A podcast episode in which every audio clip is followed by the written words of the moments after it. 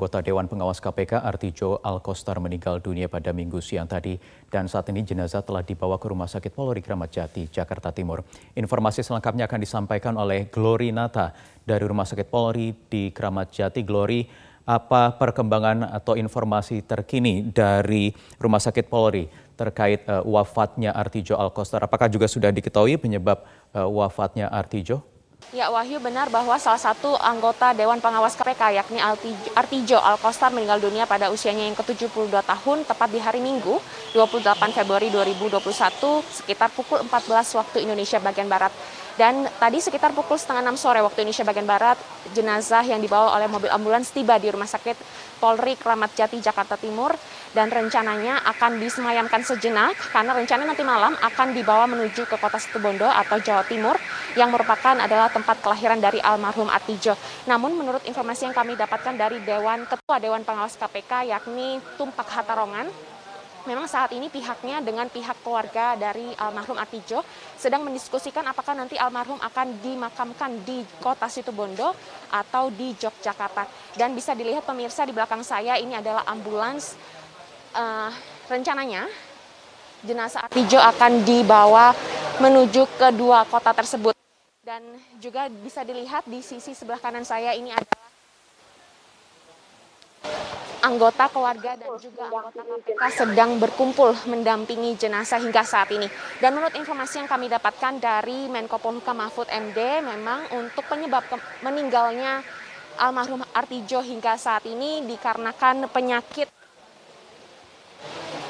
dikarenakan mengalami penyakit komplikasi seperti jantung, ginjal, dan juga paru-paru dan diketahui bahwa almarhum Artijo ini se sebulan sebelum saat ini uh, secara rutin melakukan kontrol di Rumah Sakit Harapan kita. Dan juga kami uh, sempat mengonfirmasi ke beberapa kerabat bahwa untuk almarhum Artijo tidak mengidap penyakit COVID sehingga dipastikan bahwa penyakit komplikasi inilah yang menjadi penyebab utama meninggalnya almarhum. Dan juga tadi sekitar pukul setengah empat sore ada acara pelepasan almarhum di kediaman yang terletak di apartemen Spring Hill Kemayoran Jakarta Pusat yang juga turut dihadiri oleh Menko Polhukam Mahfud MD bersama dengan beberapa anggota Dewan Pengawas KPK, di antaranya ada Albertina Ho, Syamsuddin Haris, Tumpak Hatarongan, dan juga Firly Baruli.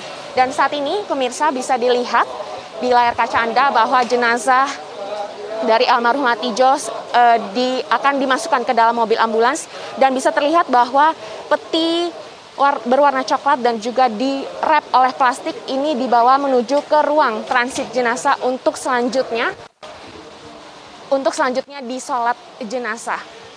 Dan juga kami masih menunggu hingga saat ini masih menunggu pernyataan resmi dari pihak keluarga dan juga dari pihak KPK kapan dan di mana tepatnya jenazah dari almarhum Artijo ini akan dimakamkan.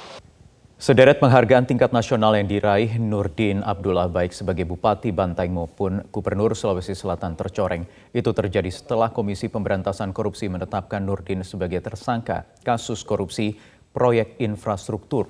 Uang 2 miliar rupiah di dalam koper menjadi bukti lembaga anti rasuah tersebut menyeret Nurdin Abdullah ke dalam tahanan. Gubernur Sulawesi Selatan Nurdin Abdullah hanya bisa pasrah ketika penyidik Komisi Pemberantasan Korupsi hendak membawanya ke rutan Komisi Pemberantasan Korupsi untuk menjalani penahanan selama 20 hari ke depan.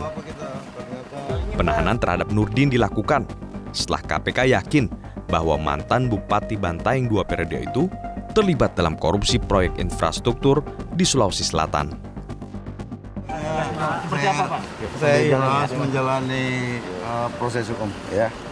Karena memang kemarin itu bang. tidak tahu apa-apa kita ternyata ingin bang uh, Edi itu melakukan transaksi tanpa sepengetahuan saya ya sama sekali Pak, gue nggak tahu sama, sama sekali tidak tahu demi Allah demi Allah ya. terus apa pesan untuk masyarakat Sulawesi Pak ya saya mohon maaf ya. Nurdin Abdullah boleh saja membantah namun apa yang menjadi keyakinan KPK didasarkan atas bukti-bukti yang ditemukan. Koper berisi uang 2 miliar rupiah ini salah satunya yang diduga hendak diberikan oleh Direktur PT Agung Perdana Balomba Agung Sucipto kepada Nurdin melalui orang kepercayaannya yakni Sekretaris Dinas PUPR Provinsi Sulawesi Selatan Edi Rahmat.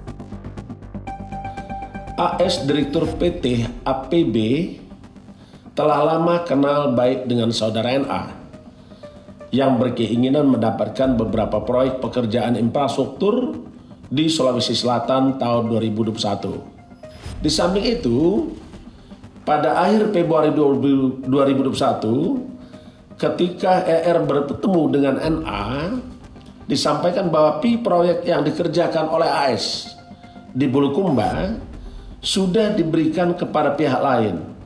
Saat itu NA mengatakan yang penting operasional kegiatan NA tetap bisa dibantu oleh AS. Tak hanya uang di koper itu saja, Nurdin diduga turut menerima gratifikasi dari beberapa kontraktor lain terkait proyek infrastruktur di wilayah Nurdin memimpin. KPK mencatat total suap dan gratifikasi yang diterima Nurdin terkait proyek infrastruktur di Sulsel mencapai 5,4 miliar rupiah. Terjeratnya Nurdin dalam kasus suap dan gratifikasi di KPK tentu mengagetkan banyak pihak. Sebab selama ini Nurdin dikenal sebagai sosok kepala daerah yang berprestasi. Mantan Bupati Bantaeng dua periode ini pernah menerima penghargaan dari Bung Hatta Anti Corruption, sebuah penghargaan yang diberikan kepada kepala daerah yang dinilai bersih dari praktik korupsi. Namun KPK menilai seseorang yang pernah menerima penghargaan anti korupsi belum tentu tak melakukan korupsi. Jangan berpikir bahwa setiap orang yang sudah menerima penghargaan tidak akan melakukan korupsi. Kenapa? Karena korupsi adalah pertemuan antara kekuasaan dan kesempatan serta minusnya integritas. Pakar hukum Yenti Ganarsi menduga lingkungan pemerintahan yang tak mendukung sikap anti korupsi bisa memicu seorang kepala daerah tersandung korupsi ketika orang-orang yang yang lompat jabatan, lompat uh, lompat status gitu ya, itu kadang-kadang mereka tidak siap juga ya, tidak siap juga mengantisipasi lingkungan yang ada di sana. Gitu misalnya ya, mungkin waktu jadi bupati semua everything is okay, ya fine fine saja.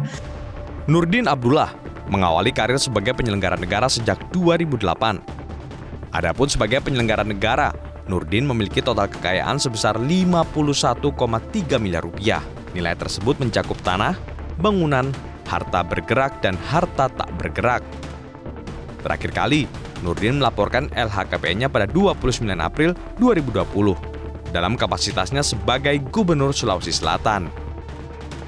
Prahara Partai Demokrat memasuki babak baru setelah Dewan Kehormatan Partai memecat tujuh kader karena dianggap menjadi bagian kudeta kepemimpinan Agus Harimurti Yudhoyono dari posisi Ketua Umum.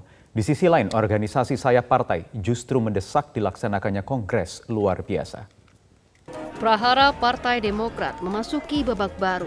Dewan Kehormatan Partai diketahui telah memecat tujuh orang kader atau anggota Partai Demokrat karena dianggap menjadi bagian dari gerakan pengambil alihan kepemimpinan Partai Demokrat atau GPKPD. Ini dicari-cari alasan oleh pihak mereka dan keputusannya dari Dewan Kehormatan telah melanggar etika, menebar fitnah, berita bohong, dan telah membuat uh, martabat partai uh, dirongrong ya. Oleh karenanya okay. belum lagi ada pihak eksternal yang tentu ini mengancam terhadap kedaulatan Partai Demokrat. Namun internal Partai Demokrat pun bergejolak dengan silang pendapat menyebut pemecatan tujuh kader tidak sesuai prosedural organisasi yang justru memperkeruh persoalan dan membuat konflik internal partai semakin kuat. Gelombang permintaan pelaksanaan Kongres Luar Biasa atau KLB pun kembali bergaung di internal Partai Demokrat Salah satunya dari Angkatan Muda Demokrat yang mendukung digelarnya Kongres luar biasa untuk memberhentikan Ketua Umum Partai Demokrat Agus Harimurti Yudhoyono. Nah, kita menyampaikan bahwa ini bukan bagian atau bentuk kudeta atau perampasan atau pengambil secara paksa tentang posisi Agus Harimurti Yudhoyono sebagai Ketua Umum yang terlegalkan di Kongres kelima. Kita katakan iya. Lalu hari ini atau besok nanti niat agenda kita ingin mengadakan kongres luar biasa dan ini legal secara hukum legal salah ketika kita melakukan kudeta mengambil secara paksa merampas hak politik Pengamat politik M. Kodari mengimbau agar SBY, AHY, dan kubunya di Partai Demokrat tetap waspada Sebab bisa saja pihak internal partai yang menyuarakan KLB punya data rahasia persetujuan DPC dan DPD sehingga berpeluang terlaksananya KLB. Kalau DPP Demokrat eh, Pak Haye pasti bilang nggak ada gitu ya apalagi kemarin ada kebulatan tekad dari para pengurus da- provinsi tetapi eh, dari dari mereka-mereka yang menginginkan eh, KLB eh, mungkin mereka punya data sendiri mengenai dukungan dari kabupaten kota dan peluangnya untuk melahirkan sebuah KLB. Namun, Ketua Badan Pembina Organisasi Kaderisasi dan Keanggotaan Partai Demokrat Herman Khairon memastikan Partai Demokrat tidak akan menggelar kongres luar biasa karena tidak ada alasan mendasar untuk menyelenggarakan KLB. Dalam acara puncak hari lahir atau Harlah ke-98 Nahdlatul Ulama Sabtu malam, Ketua Umum PBNU memastikan NU siap membantu pemerintah dalam menangani pandemi COVID-19. Sementara itu Gubernur Jakarta meminta warga NU atau Nahdiyin mendoakan Presiden Jokowi agar dimudahkan melewati pandemi ini. Melalui video dari akun media sosial NU Channel Sabtu malam, Selain mengucapkan selamat, Presiden Joko Widodo menyampaikan NU telah mengambil peran penting dalam kehidupan berbangsa dan bernegara hampir satu abad. Presiden pun meminta dukungan para ulama dan keluarga besar NU untuk membantu pemerintah menyukseskan program vaksinasi nasional. Sementara itu, Gubernur DKI Jakarta Anies Baswedan dalam pidatonya menyinggung persoalan ketimpangan dan pandemi. Anies juga meminta warga NU untuk mendoakan Presiden Jokowi agar diberi kemudahan dalam melewati masalah dan dampak pandemi COVID-19. Setelah Gubernur Sulawesi Selatan Nurdin Abdullah ditetapkan sebagai tersangka oleh KPK, Kemendagri menunjuk Wakil Gubernur Sulawesi Selatan Andi Sudirman Sulaiman sebagai pelaksana tugas. Ia akan menjalankan sementara roda pemerintahan di Sulawesi Selatan. Andi Sudirman Sulaiman secara resmi ditunjuk oleh Kemendagri sebagai pelaksana tugas gubernur per hari ini, 28 Februari 2021. Menurut Andi, penunjukannya sebagai PLT Gubernur untuk mengisi kekosongan di pemerintah Provinsi Sulawesi Selatan karena proses hukum Nurdin Abdullah masih berjalan. Dijelaskan lebih lanjut, menunjukkan dirinya bukan untuk menggantikan posisi gubernur, melainkan untuk melanjutkan roda pemerintahan karena ia dan Nurdin Abdullah memiliki visi misi yang sama. Tentunya Andi Sudirman turut prihatin mengenai kasus hukum yang menjerat Gubernur Sulawesi Selatan Nurdin Abdullah. Beliau uh, sebenarnya bagi kami adalah siapa pun yang menjabat, paling penting adalah kami memiliki visi dan misi yang sama.